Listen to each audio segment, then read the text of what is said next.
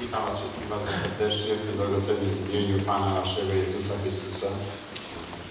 Chciałem przekazać pozdrowienie ze Skoczowa, ale już były przekazane od brata.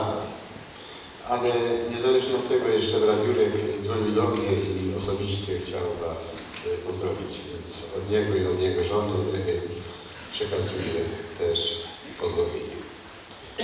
Słowo Boże, nad którym będziemy się dzisiaj zastanawiać wspólnie, czytam z Ewangelii Jana z 5 rozdziału od 19 do 29 wiersza. Ewangelii Jana, 5 rozdział, czytam od 19 do 29 wiersza. Wtedy Jezus odezwał się i rzekł Zaprawdę, zaprawdę powiadam wam, nie może Syn sam od siebie nic czynić, tylko to, co widzi, że Ojciec czyni. Co bowiem On czyni, to samo i Syn czyni. Ojciec bowiem miłuje Syna i ukazuje Mu wszystko, co sam czyni i ukaże Mu jeszcze większe dzieła niż te, abyście się dziwili. Albowiem jak Ojciec zbudza zmartwych i ożywia, tak i Syn ożywia tych, których chce. Bo i Ojciec nikogo nie sądzi, lecz wszelki sąd przekazał Synowi aby wszyscy czcili Syna, jak czczą Ojca. Kto nie czci Syna, ten nie czci Ojca, którego posłał. Zaprawdę, zaprawdę powiadam wam, kto słucha słowa mego i wierzy temu, który mnie posłał, ma żywot wieczny i nie stanie przed sądem, lecz przeszedł śmierci do żywota. Zaprawdę, zaprawdę powiadam wam, zbliża się godzina, owszem, już nadeszła, kiedy umarli usłyszą głos Syna Bożego i ci, co usłyszą, żyć będą. Jak bowiem ojciec ma żywot sam w sobie, tak dał i synowi, by miał żywot sam w sobie. I dał mu władzę sądzenia, bo jest synem człowieczym. Nie dziwcie się temu, gdyż nadchodzi godzina, kiedy wszyscy w grobach usłyszą głos Jego. I wyjdą ci, co dobrze czynili, by postać do życia, a inni, którzy źle czynili, by postać na sąd. Panie Jezu, mamy ten niezwykły przywilej czytać Twoje słowa zapisane w Biblii. Prosimy Cię o błogosławieństwo tego rozważania. Daj nam światło i zrozumienie. Proszę Cię o mądrość góry, aby Słowo Twoje było ogłoszone w mocy Twojej, w mocy Twojego Ducha, ku naszemu pożytkowi, a Tobie na chwałę. W Twoim imieniu, Panie Jezu. Amen.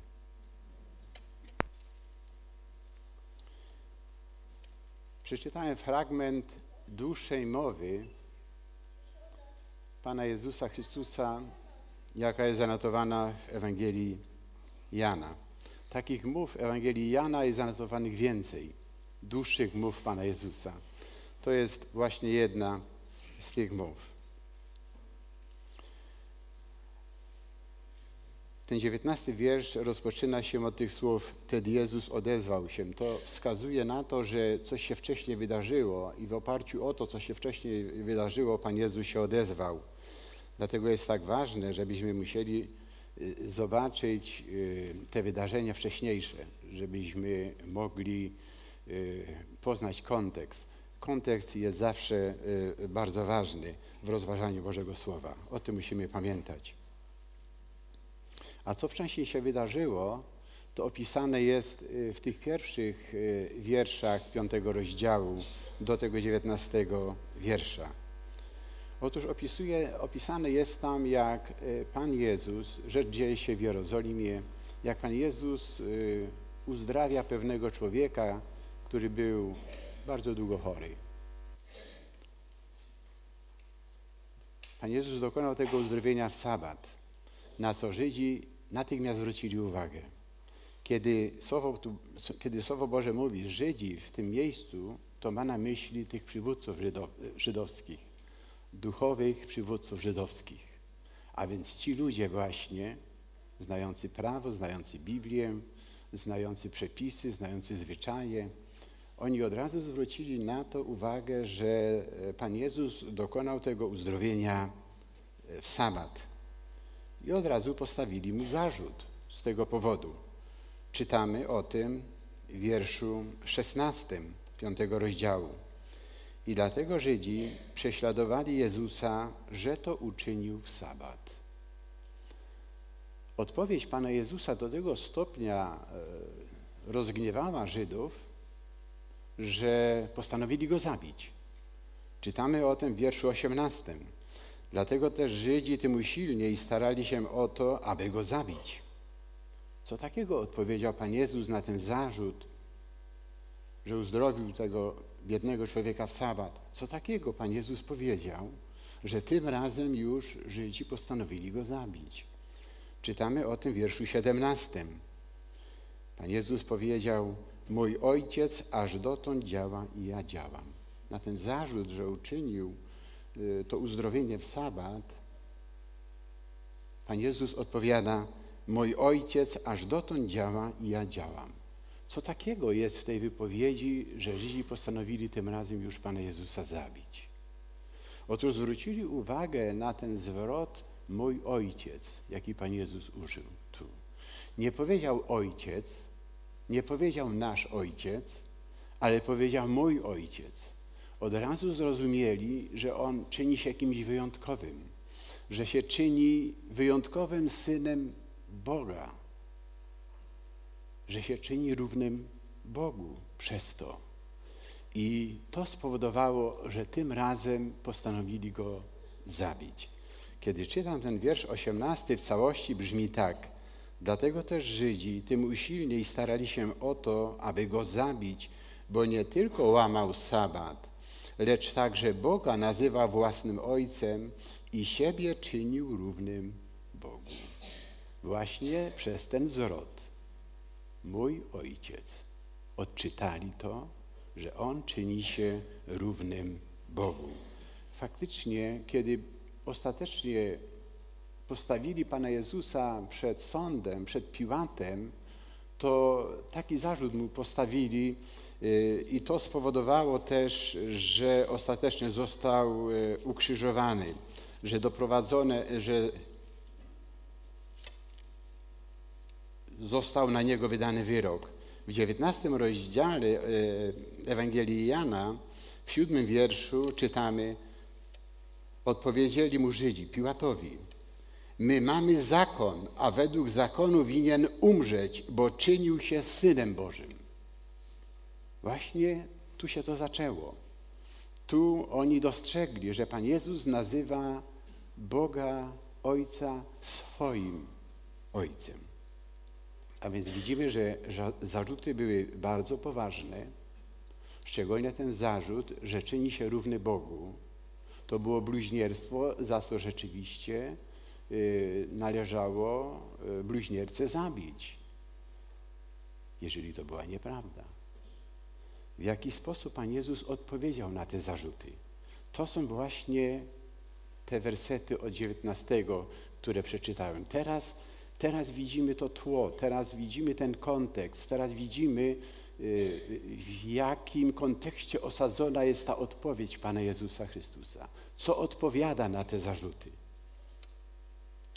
W dziewiętnastym wierszu Pan Jezus mówi, że właściwie Syn żyje w takiej zależności od Boga Ojca, że sam od siebie nie może nic czynić. Mówi tak, wtedy Jezus odpowiedział im i rzekł im, zaprawdę, zaprawdę powiadam wam, nie może syn sam od siebie nic czynić, tylko to, co widzi, że ojciec czyni, co bowiem on czyni, to i syn czyni. Jego zależność od Boga Ojca jest taka, że on niczego sam od siebie nie może nic czynić. Ale zwróćcie uwagę, bo tu jest pokazana wszechmoc Pana Jezusa. On zwraca uwagę na swoją wszechwiedzę i swoją wszechmoc. Mówi tak, że syn może czynić to, co widzi u ojca, a więc ma zawsze bezpośredni kontakt z Bogiem i wie to, co Bóg Ojciec. I to czyni. On widzi to u Ojca. On y, jest wszechwiedzący. To jest, to jest zawarte w tym słowie, co widzi, że Ojciec czyni. A drugie, w tym wyrazie czyni. Zwróćmy uwagę, że jakiś człowiek, nawet wielki tego świata, powiedziałby takie słowa, że on czyni to, co Bóg czyni. Że on czyni to, co Bóg Ojciec czyni. Co byśmy pomyśleli o takim człowieku? Że chyba zwariował. A Pan Jezus to powiedział, że On czyni to, co widzi, że Ojciec czyni. A to jest po prostu stwierdzenie Jego wszechmocy. Jeżeli On rzeczywiście czyni to, co Bóg Ojciec czyni, to znaczy, że dysponuje wszechmocą. A więc widzicie, w tej pierwszej odpowiedzi, w tym dziewiętnastym wierszu, pokazuje swoją wszechwiedzę, ma wgląd w Boże sprawy nieustannie, mimo że jest tu na ziemi, teraz ograniczony ciałem i dysponuje mocą, że może czynić to, co Ojciec czyni. Ale tu też jest odpowiedź na ten zarzut łamania sabatu. Bo postawili mu ten zarzut łamania sabatu, że uczynił to w sabat. A teraz Pan Jezus mówi, On czyni tylko to, co widzi, że Ojciec czyni. Jak to mamy zrozumieć? Żydzi mieli spojrzenie na sabat wyniesione choćby z pierwszej Mojżeszowej, kiedy Bóg stworzył świat, a wszystko było bardzo dobre, wszystko było doskonałe. I później jest powiedziane, że Bóg odpoczął. W ciągu sześciu dni Bóg stworzył świat, który był doskonały, łącznie z człowiekiem. Wszystko było doskonałe, nie było trzeba nic poprawiać, nic dodawać ani nic ujmować. Wszystko było doskonałe i teraz Bóg uczynił sabat. Bóg odpoczął. Nie dlatego, że Bóg się zmęczył, ale dlatego, że nie było trzeba niczego zmieniać, nie było trzeba niczego dodawać, nic ujmować. Wszystko było doskonałe. Bóg odpoczął. Bóg się nie męczy, tak później mówi w innym miejscu Słowo Boże. Ale Bóg odpoczął od bo wszystko było doskonałe. I ustanowił sabat. Sześć dni pracy, siódmy dzień odpoczynku dla nas ludzi. Ale kiedy człowiek zgrzeszył, dla Boga sabat został tym samym przerwany. Już nic nie było takie samo, już nic nie było doskonałe. Dlatego Pan Jezus mówi, że On widzi to, co Ojciec czyni. Ojciec ustawicznie działa, bez przerwy działa. Bóg ustawicznie działa na rzecz upadłego człowieka, okazuje uczynki miłosierdzia. Gdyby tak Bóg nie działał, tego świata dawno by nie było, my byśmy żyć nie potrafili. I dla Boga nie ma odpoczynku, dopóki nie będzie dzieło odkupienia, dopóki nie zaowocuje w pełni. I to Pan Jezus im mówi. On czyni tylko to, co widzi, że Ojciec czyni. Był ten biedak chory, trzeba było mu pomóc, trzeba było okazać miłosierdzie. I sabat mu w tym nie przeszkodził, bo tak postępuje ojciec. I on widzi u ojca, że to czyni, i tu na ziemi, będąc, czyni tak samo. To jest ta odpowiedź na łamanie sabatu. Ale w tym drugim wierszu, w tym dwudziestym wierszu jest pokazane, że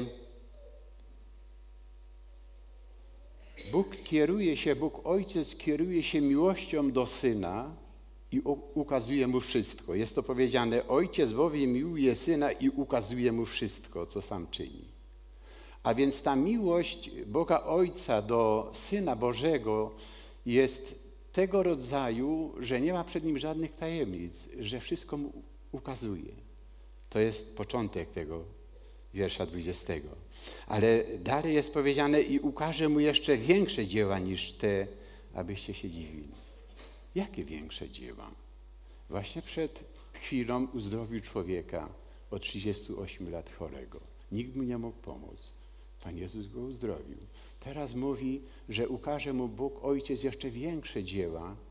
Jakie to większe dzieła? Następne dwa wersety pokazują, jakie to większe dzieła będzie Pan Jezus dokonywał. W 21 wierszu jest powiedziane, albowiem jak ojciec wzbudza z martwych i ożywia, tak i syn ożywia tych, których chce. A więc pokazuje w tym 21 y, wierszu, że Bóg Ojciec ma władzę nad śmiercią. I mówi, syn ma władzę nad śmiercią. Pamiętajmy, to jest odpowiedź na zarzut, że czyni się równy Bogu. Pamiętajmy o kontekście. Gdyby Pan Jezus rzeczywiście w tej swojej wypowiedzi, nazywając Ojca swoim Ojcem, powiedział coś niewłaściwego, teraz by miał okazję to sprostować. I mógłby powiedzieć, rzeczywiście źle się wyraziłem, źle mnie zrozumieliście, wcale tak nie myślałem. Wcale się nie czynię równym Bogu. Ale tu wiersz po wierszu, zdanie po zdaniu, Pan Jezus potwierdza, że rzeczywiście On jest równy Bogu. Mówi, ojciec ma władzę nad śmiercią i syn ma władzę nad śmiercią. Ojciec wzbudza z umarłych i syn wzbudza z umarłych. To jest właśnie to większe dzieło w tym 21 wierszu zapisane. Co zresztą później Pan Jezus e, pokazał, wzbudzając Łazarza, człowieka już będącego w rozkładzie. A drugie większe dzieło, 22 wiersz, bo i ojciec nikogo nie sądzi, lecz wszelki sąd przekazał synowi. Kiedy mówimy o tym, że sąd ojciec przekazał synowi, to musimy pamiętać, do kogo to mówi. Mówi to do Żydów. A Żydzi byli biegli w Starym Testamencie. My niekiedy pewne rzeczy musimy sobie uświadamiać. Żydzi, kiedy słyszeli sąd, to od razu wiedzieli, że sąd należy do Boga. Piąta Mojżeszowa, pierwszy rozdział, 17 wiersz to mówi. Sąd należy do Boga. I oni wiedzieli, tylko Bóg ma prawo sądzić, bo sąd należy do Boga. I teraz tu Pan Jezus mówi, bo i ojciec nikogo nie sądzi, lecz wszelki sąd przekazał synowi. Jak to brzmiało w uszach Izraelity? Kim jesteś? No właśnie, Pan Jezus podkreśla, kim jest. Zarzucacie mi, że czynię się równy Bogu. Ja jestem sędzią.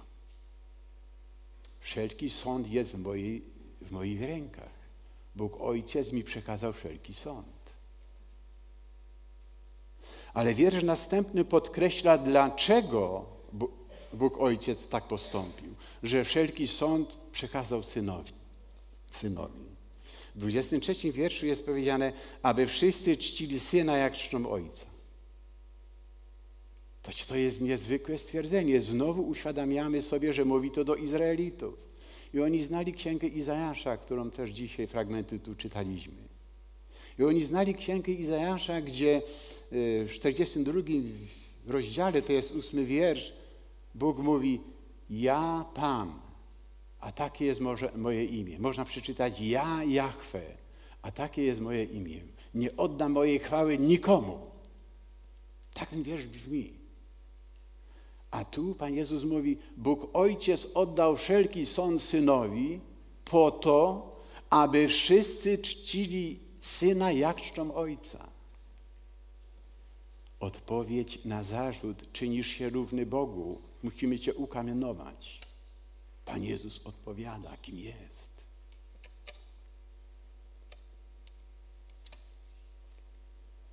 Dalej podkreśla to, zdawał sobie sprawę, jakie to zrobiło wrażenie na, na słuchających, na Izraelitach.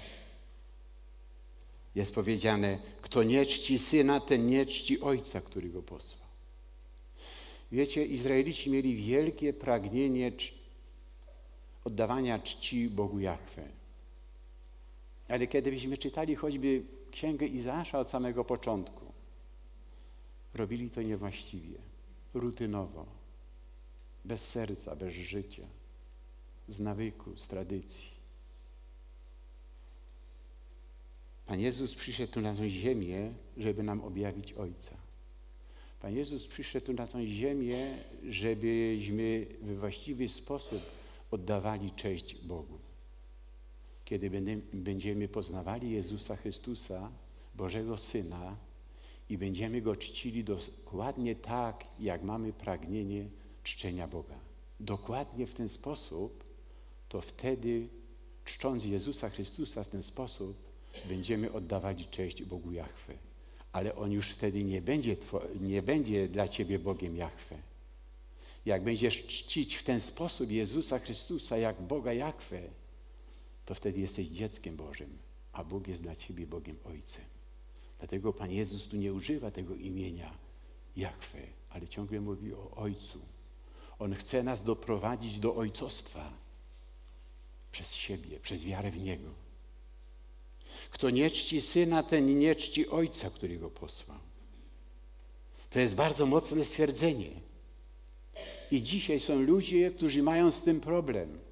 Mają problem oddawania e, czci Bogu, ale pomniejszają Jezusa Chrystusa. Nawet go nazywają Synem Bożym, ale mają w tym inne znaczenie. Jakieś takie mniejsze. Pan Jezus mówi, jeżeli będziecie mnie czcili dokładnie w ten sposób, jakbyście chcieli czcić Boga, to wtedy będziecie rzeczywiście Mu oddawali cześć. On będzie waszym Ojcem, a wy będziecie Jego dziećmi. Tylko przeze mnie. Pan Jezus tu dodaje. Wiecie, coś podobnego później apostoł Jan mówi w swoim liście. Kiedy otworzymy pierwszy list Jana, to e, tam jest takie słowo. To jest e, drugi rozdział, 23 wiersz. Każdy, kto podaje wątpliwość syna, nie ma i ojca. Kto wyznaje syna, ma i ojca. Jeżeli chcesz mieć społeczność z Bogiem Ojcem, to się zaczyna od Syna, od Jego Syna, od Jezusa Chrystusa. Musisz przyjść do Niego, musisz Go uznać jako objawionego Boga. Bóg w ciele.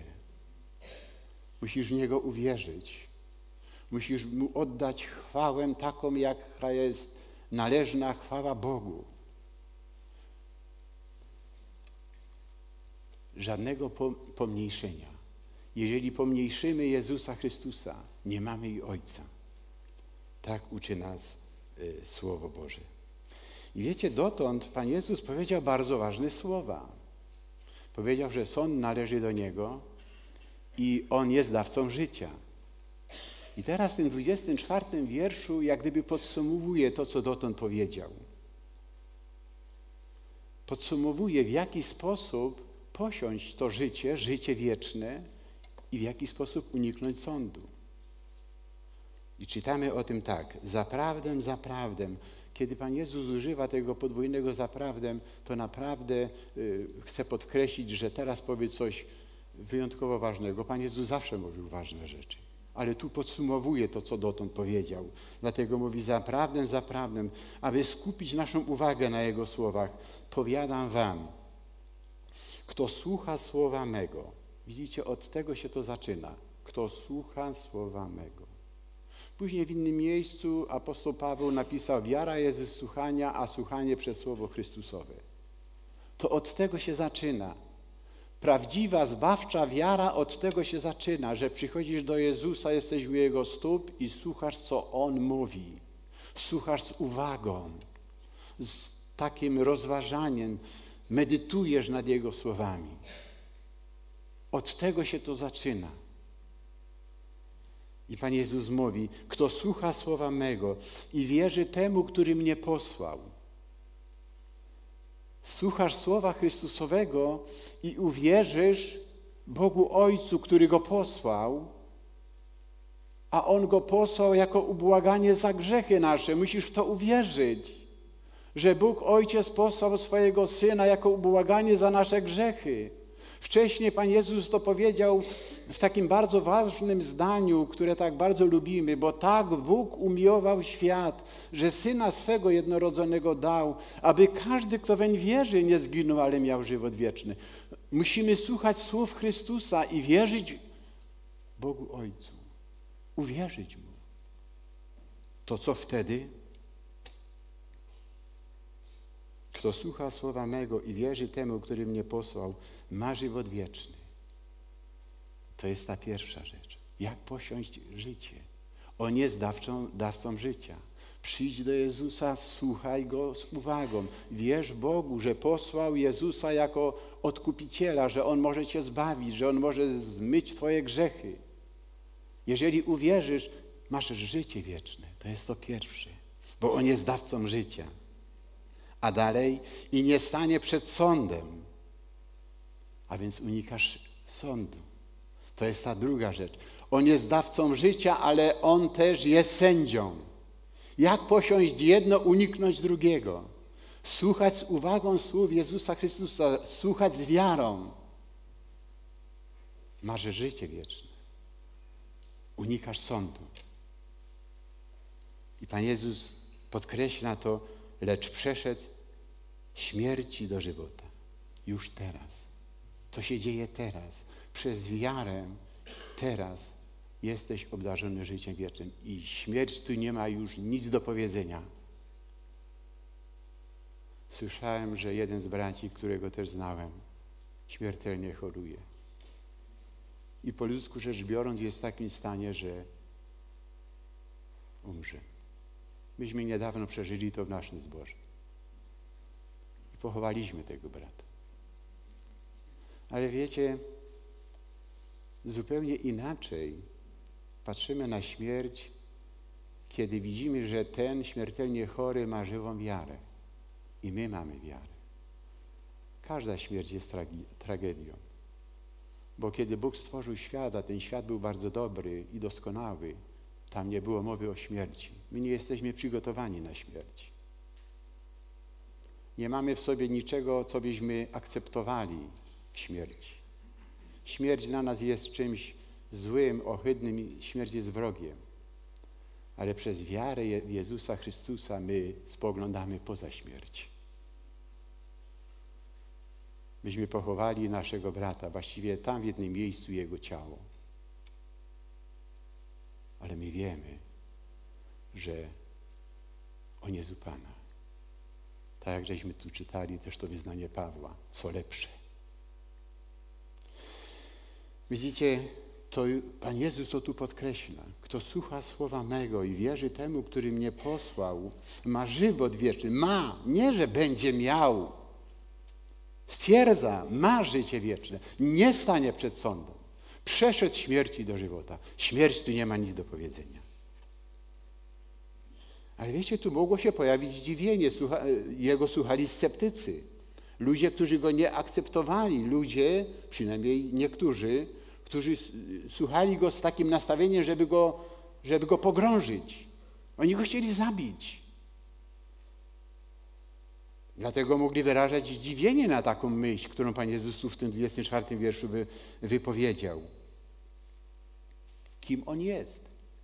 Kim jesteś, że mówisz takie niezwykłe słowa? Kto cię upoważnił? W jakim autorytecie ty to mówisz? Takie słowa. Pan Jezus odpowiada jak gdyby na te kołatane myśli w umyśle ludzkim, kołatające się myśli, którzy nie mogli pojąć, kogo mają przed sobą. I w tym 25 wierszu odpowiada, zaprawdę, zaprawdę powiadam wam, zbliża się godzina, owszem, już nadeszła, kiedy umarli usłyszą głos Syna Bożego. Wiecie, to jest ta odpowiedź na te ewentualne wątpliwości, że ktoś już teraz przeszedł śmierci do żywota. Ta końcówka 24 wiersza. Pan Jezus przewiduje, o czym ci ludzie myślą i odpowiada im. Zaprawdę, zaprawdę powiadam wam, zbliża się godzina, owszem, już nadeszła, kiedy umarli usłyszą głos Syna Bożego, a ci, co usłyszą, żyć będą. O czym tu mówi? Wiecie, Pismo Święte nas uczy, że człowiek przez grzech jest duchowo martwy. Możesz się czuć fantastycznie, możesz być młody i pełen sił. Jeżeli Jezus nie jest Twoim Panem, nie wyznałeś Mu swoich grzechów, nie przyjąłeś przebaczenia od Jezusa Chrystusa, to jesteś duchowo martwy. W innym miejscu apostoł Paweł to ujął w takie słowa i wy umarliście przez upadki i grzechy wasze. Fizycznie możesz żyć, ale dla Boga jesteś martwy, bo grzech cię oddzielił od Boga, a w nim jest źródło życia, życia wiecznego. I kiedyś umrzesz ze swoimi grzechami, zestarzejesz się i umrzesz i staniesz przed sądem, a Jezus będzie Twoim sędzią. I On cię osądzi. Natomiast jeżeli słuchasz słowa Jezusa Chrystusa, przyszedł Zbawiciel na świat. Dlatego Pan Jezus mówi, zbliża się godzina, owszem już nadeszła. Już przyszedł ten czas wypełnienia się czasu y, proroków, kiedy mówili, przyjdzie Zbawiciel. To, cośmy tu dziś czytali z 53 rozdziału. On nasze grzechy, on nasze niemoce weźmie na siebie. I Pan Jezus mówi, to się już wypełniło, ta godzina się zbliżała, a teraz już nadeszła. W tym 25 wierszu. Kiedy umarli, ci duchowo umarli, będący w grzechach, cały świat, ci, co usłyszą Ewangelię o zbawieniu w Jezusie Chrystusie, im zostaną grzechy odpuszczone i zostaną ożywieni przez wiarę w Chrystusa. Oni będą żyć. Ci, co usłyszą, ci, co uwierzą, ci, co zaufają Słowu Bożemu, co zaufają Chrystusowi. I dlatego Pan Jezus mówi, jak gdyby w odpowiedzi na te, na te niewypowiedziane zdziwienie, kim Ty jesteś, że mówisz takie słowa, że już przeszedł śmierci do, do żywota przez wiarę w Ciebie. Zbliża się godzina, owszem, już nadeszła, kiedy umarli usłyszą głos Syna Bożego, a ci, co usłyszą, żyć będą. Dawca życia przyszedł na świat, ale aby mieć to życie, musisz w Niego uwierzyć. Musisz się upamiętać, musisz wyznać grzechy, musisz przyjąć przebaczenie, jakie tylko On Ci może dać. Bo On je wywalczył, kiedy oddał swoje życie na krzyżu Golgoty. Ci, co usłyszą, żyć będą.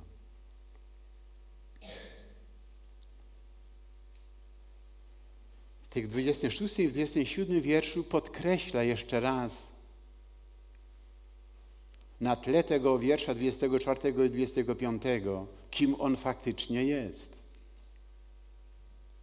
Jak bowiem, ojciec, jak bowiem ojciec ma żywot sam w sobie, tak dał i synowi, by miał żywot sam w sobie. On cię może obdarzyć życiem, on ma żywot sam w sobie. To otrzymał od swojego ojca. Tak jak ojciec ma żywot sam w sobie, tak ma syn żywot sam w sobie. Nie dziw się tym słowom, które Jezus wypowiedział. On rzeczywiście może cię obdarzyć życiem wiecznym ale również ojciec dał mu władzę sądzenia. Jeszcze raz to podkreślam w 27 wierszu. I dał mu władzę sądzenia. A więc on jest źródłem życia, ale on też jest sędzią. Bo jest synem człowieczym. Co to jest tym synem człowieczym? Co to za zwrot? Wcześniej mówi w 25 wierszu o sobie, że jest Synem Bożym. Wiecie, jeżeli nie rozumiemy tego tytułu Syn Człowieczy, to możemy nawet mieć takie wrażenie, jakby Pan Jezus sobie coś ujmował, jakby się czynił czymś mniejszym. Byśmy może chcieli powiedzieć, Panie Jezu, nie mów o sobie Syn Człowieczy, mów zawsze o sobie Syn Boży. Ale to wynika z niezrozumienia. Dlatego chciałbym to wyjaśnić. Może to niektórym pomoże. Musimy wrócić do Księgi Daniela, do siódmego rozdziału Księgi Daniela. Tam jest proroctwo o następujących po sobie imperiach. Te imperia wyrażone są symbolicznie przez takie krwiożercze bestie. A to lew jakiś dziwaczny, a to jakiś niedźwiedź, a to jakaś pantera. Kolejne te proroctwa o imperiach, jakie mają Y, nastawać y, w tym świecie, pokazują te imperia w postaci właśnie takich krwiożerczych bestii. I to jest w tym siódmym rozdziale pokazane. Imperium babilońskie w postaci lwa ze skrzydłami, imperium medoperskie w postaci niedźwiedzia, w paszczy ma mięso, Później pantera obrazuje imperium greckie, imperium rzymskie, to nawet to zwierzę nie jest nazwane, ale jest okrutne, wszystko depcze, okropne te imperia. Rzeczywiście te zwierzęta pokazują naturę, charakter tych imperiów. Bo były straszne. A później nagle to proroctwo pokazuje coś zupełnie odmiennego i to jest pokazane od 13 wiersza. I widziałem w widzeniach nocnych, oto na obłokach niebieskich przyszedł ktoś podobny do Syna Człowieczego. Tu jest ten zwrot, Syn Człowieczy.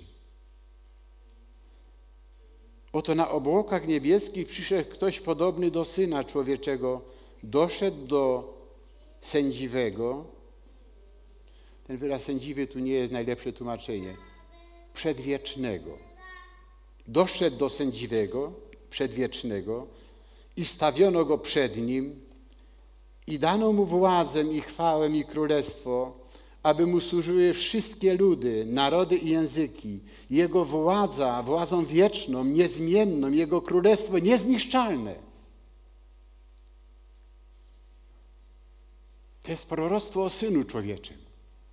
Izraelici to proroctwo znali, Żydzi to proroctwo znali i oni kojarzyli to proroctwo z Mesjaszem, z Chrystusem.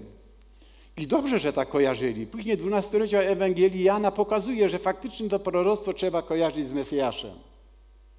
I oni czekali na Syna Człowieczego. Oni czekali, kiedy Syn Człowieczy przyjdzie, kiedy ustanowi królestwo niezniszczalne, doskonałe.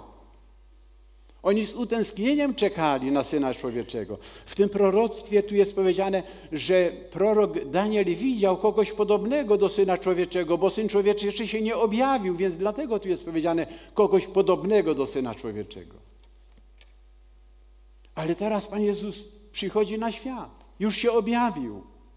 Już nie mówi o sobie, że jest podobny do Syna Człowieczego, ale mówi w tym 27 wierszu i dał mu władzę sądzenia, bo jest Synem Człowieczym. On jest wypełnieniem tego proroctwa. On jest tym, który tu na ziemi przyszedł ustanowić królestwo, a początek tego królestwa to jest Jego osoba. A każdy następny, który Mu zaufa, który powierzy przez wiarę swoje życie Jemu, jest uczestnikiem tego Królestwa Wiecznego. I o tym tu Pan Jezus mówi. Tak, w Jezusie Chrystusie naprawdę mamy wszelkie duchowe błogosławieństwa niebios. Ale kiedy Pan Jezus mówi o tym, że jest sędzią i podkreśla to tu jeszcze raz, właśnie w tym 27 wierszu, tu mogło być kolejne zdziwienie, bo ktoś ktoś by sobie mógł pomyśleć, no dobrze, powiedzmy, że zgadzam się z Tobą, że masz władzę sądzenia, ale jak umrę, to Ci się wymknę. Mogę żyć po swojemu, a później umrę. Już nie będę pod Twoją władzą sądzenia. Pan Jezus znowu odczytuje ten sposób myślenia u słuchających. Dlatego odpowiada na to w przestrodze ku jednym, jednym, a drugim ku zachęcie. Dlatego mówi w tym 28 wierszu, nie dziwcie się temu. Kiedy mówi, mam władzę sądzenia, jestem synem człowieczym. Nie dziwcie się temu. Gdyż nadchodzi godzina, kiedy wszyscy w grobach usłyszą głos Jego, nastanie powszechne zmartwychwstanie. Śmierć nie spowoduje, że się wymkniemy Jezusowi Chrystusowi jako sędziemu. Dzisiaj ludzie też tak myślą. Będę żył po swojemu, a potem umrę i wszystko się kończy. Po śmierci się wszystko zaczyna.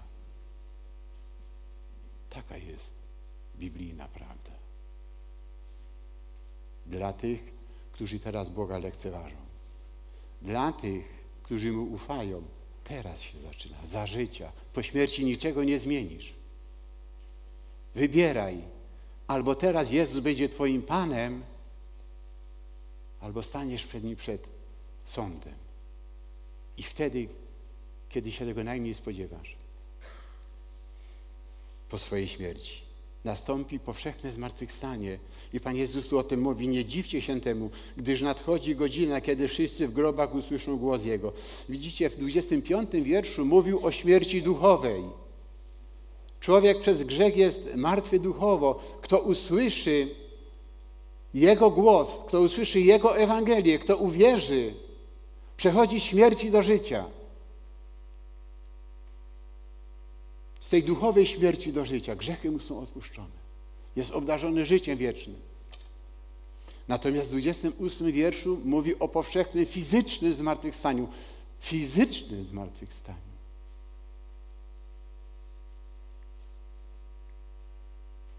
W wielu miejscach Słowo Boże nas uczy, że nastąpi fizyczne zmartwychwstanie i staniemy przed sędzią. Kiedy otworzymy Ewangelię Mateusza na 25 rozdziale, to tam wiersz 31-32 brzmi tak. A gdy przyjdzie Syn Człowieczy w chwale swojej i wszyscy aniołowie z Nim, wtedy zasiądzie na tronie swej chwały i będą zgromadzone przed Nim wszystkie narody i odłączy jedne od drugich, jak pasterz odłącza owce od kozłów.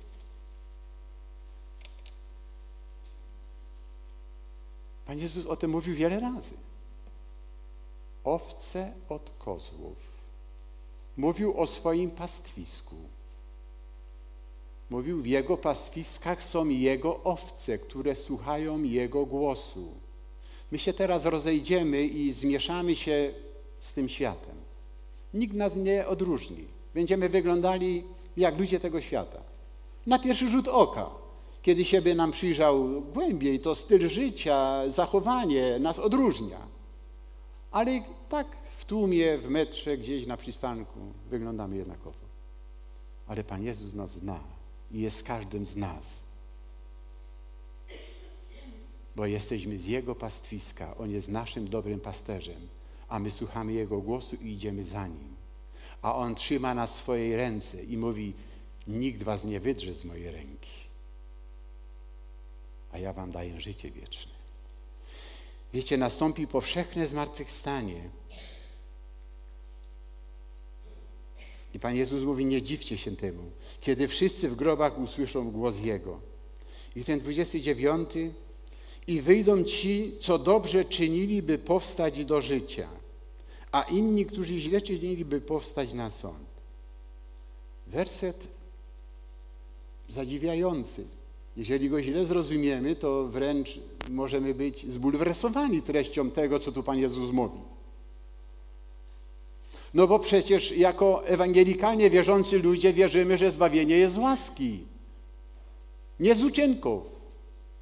A tu Pan Jezus mówi o dobrych i złych uczynkach. Ci, co dobrze czynili, staną przed sądem, a ci, co, y, ci, co dobrze czynili, przeszli z śmierci do żywota, a ci, co źle czynili, staną przed sądem. Podkreśla uczynki. A przecież my wierzymy, że zbawienie jest łaski. Jak to jest? Wiecie, Pismo Święte od początku do końca pokazuje, że zbawienie jest łaski przez wiarę w Jezusa Chrystusa. Łaską zbawieni jesteście. Słowo Boże nas uczy. To jest Boży dar, to nie z was. Nie z uczynków, aby się ktoś nie chlubił. Wiele razy to jest podkreślone. I taka jest nauka. Zbawienie jest łaski. Ale jesteśmy zbawieni do uczynków to zbawienie ma się wyrażać przez Twoje życie. Nie może być tak, że mówisz, że jesteś zbawiony, a to nie wpłynęło na zmianę Twojego życia. Że byłeś złym mężem czy żoną, złym dzieckiem i taki pozostałeś.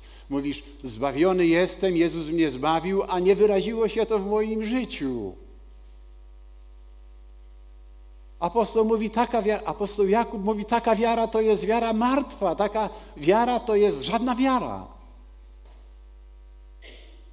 Kiedy apostoł Paweł podkreśla zbawienie z łaski, to drugi rozdział listu do Efezjan, ósmy i dziewiąty wiersz, to dodaje wiersz dziesiąty.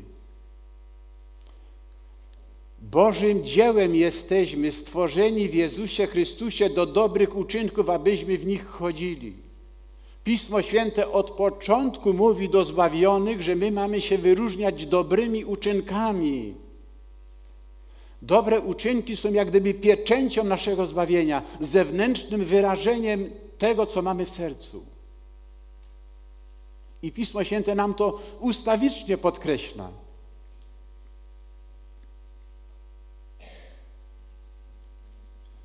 Otwórzmy Ewangelię Mateusza jeszcze raz na piątym rozdziale.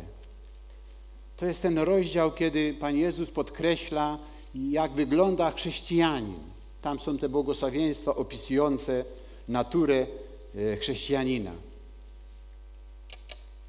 A w szesnastym wierszu tego piątego rozdziału mówi: Tak niechaj świeci wasza światłość przed ludźmi, aby widzieli wasze dobre uczynki i chwalili Ojca waszego, który jest w niebie. Rozumiecie? Jesteśmy zbawieni z łaski przez wiarę w Jezusa Chrystusa. Ale to się musi wyrazić w naszym postępowaniu, w naszym słownictwie, w naszym myśleniu, w naszym zachowaniu na co dzień, w rodzinie, w zborze, w pracy.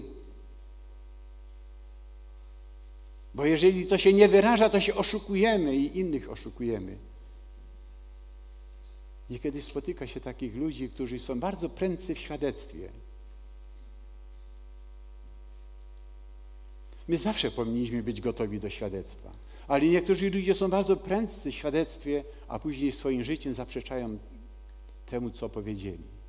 Bodajby lepiej nic nie powiedzieli. A więc widzicie, Pan Jezus mówi, tak niechaj świeci wasza światłość przed ludźmi, aby widzieli wasze dobre uczynki i chwalili Ojca waszego, który jest w niebie.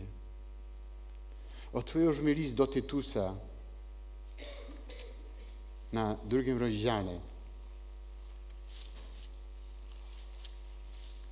Czytamy czternasty wiersz.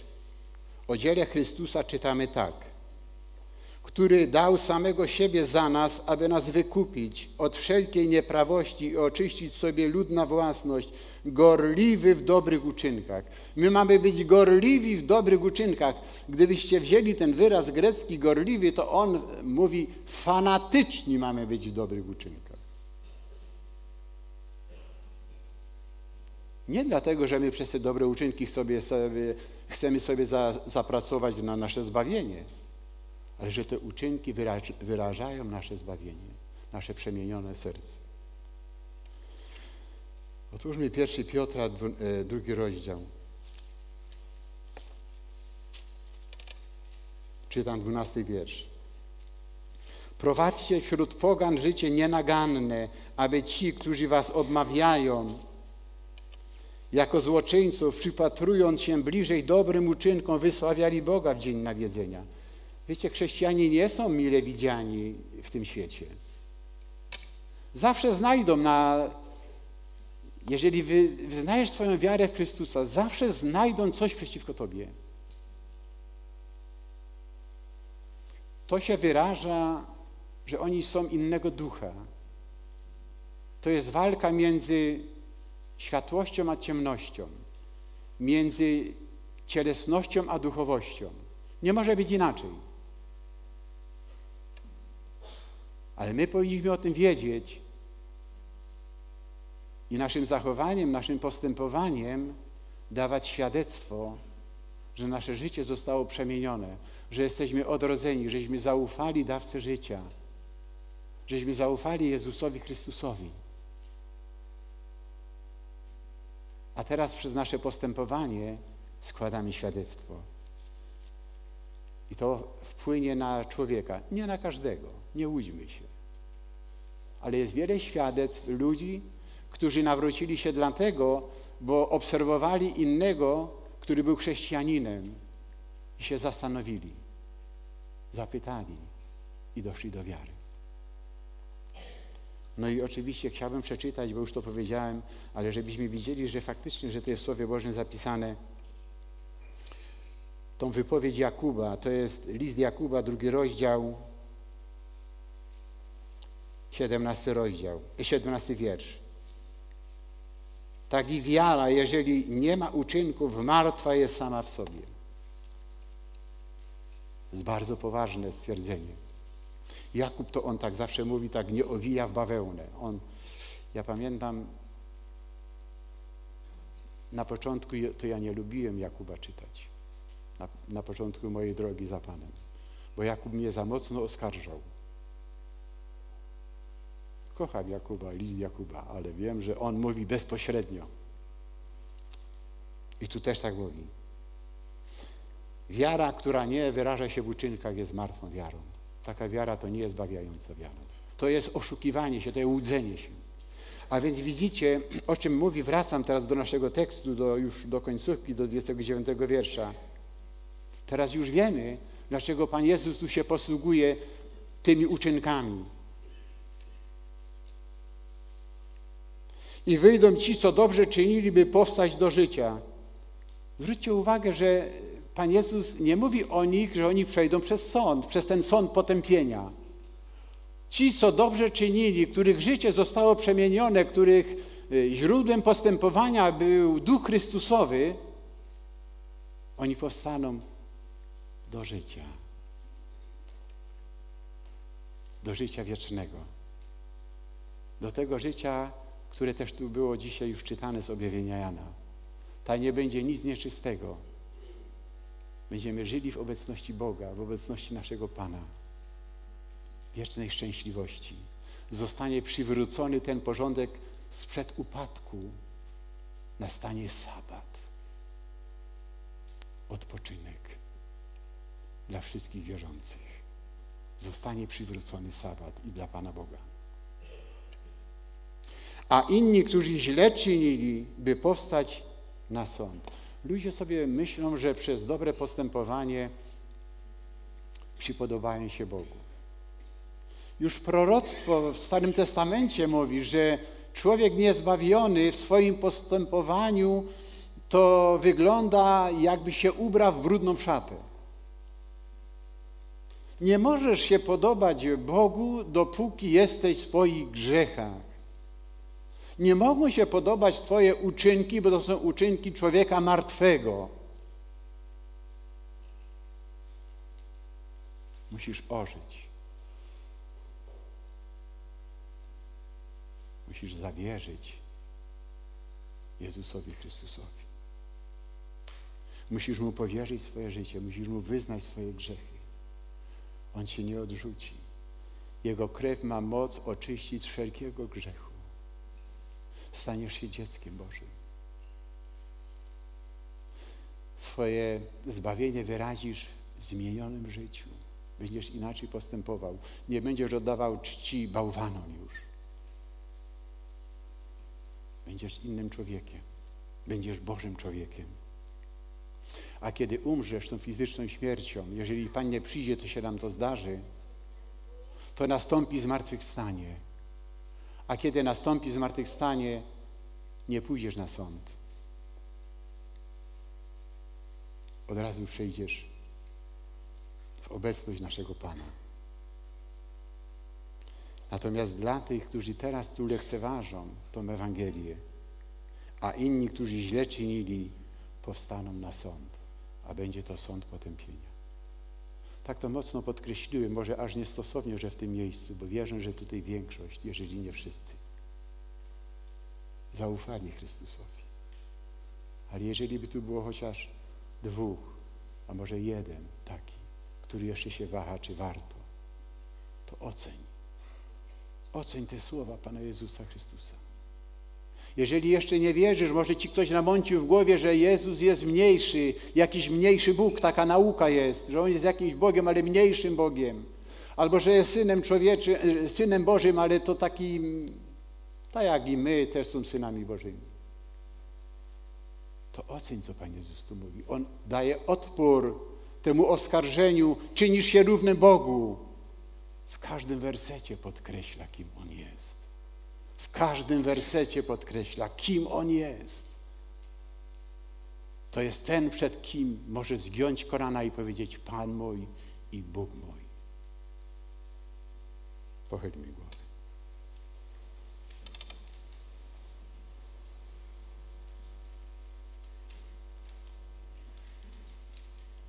Panie Jezu Chryste, chcemy Ci tak bardzo dziękować za tą wypowiedź, którą teraz tu mogliśmy śledzić rozważać. Dziękujemy Ci, że Ty umacniasz naszą wiarę, kim jesteś. Dziękujemy Ci, Boże Synu, że Ty jesteś również i tym Synem Człowieczym, tym, który ustanowi wieczne królestwo. Dziękujemy Ci, że Ty masz władzę sądzenia, ale że także masz moc obdarzenia życiem. Dziękujemy Ci, że mogliśmy uwierzyć już teraz, że mogliśmy wyznać swoje grzechy i przyjąć zbawienie, którym Ty obdarzasz. Dziękujemy Ci za to. Dzięki Ci za tą łaskę. To nie z nas, Panie. Twoja dobroć to sprawiła. A Panie, nie pozwól, aby ktokolwiek tu, jeżeli jeszcze się waha, z tym wahaniem wyszedł. Aby padł na kolana i Ci zaufał. O to Cię proszę. Błogosław to miejsce i ten zbór tutaj. Panie, bo to jest Twój zbór. Niech Tobie będzie wszelka cześć i chwała, Panie Jezu. Amen.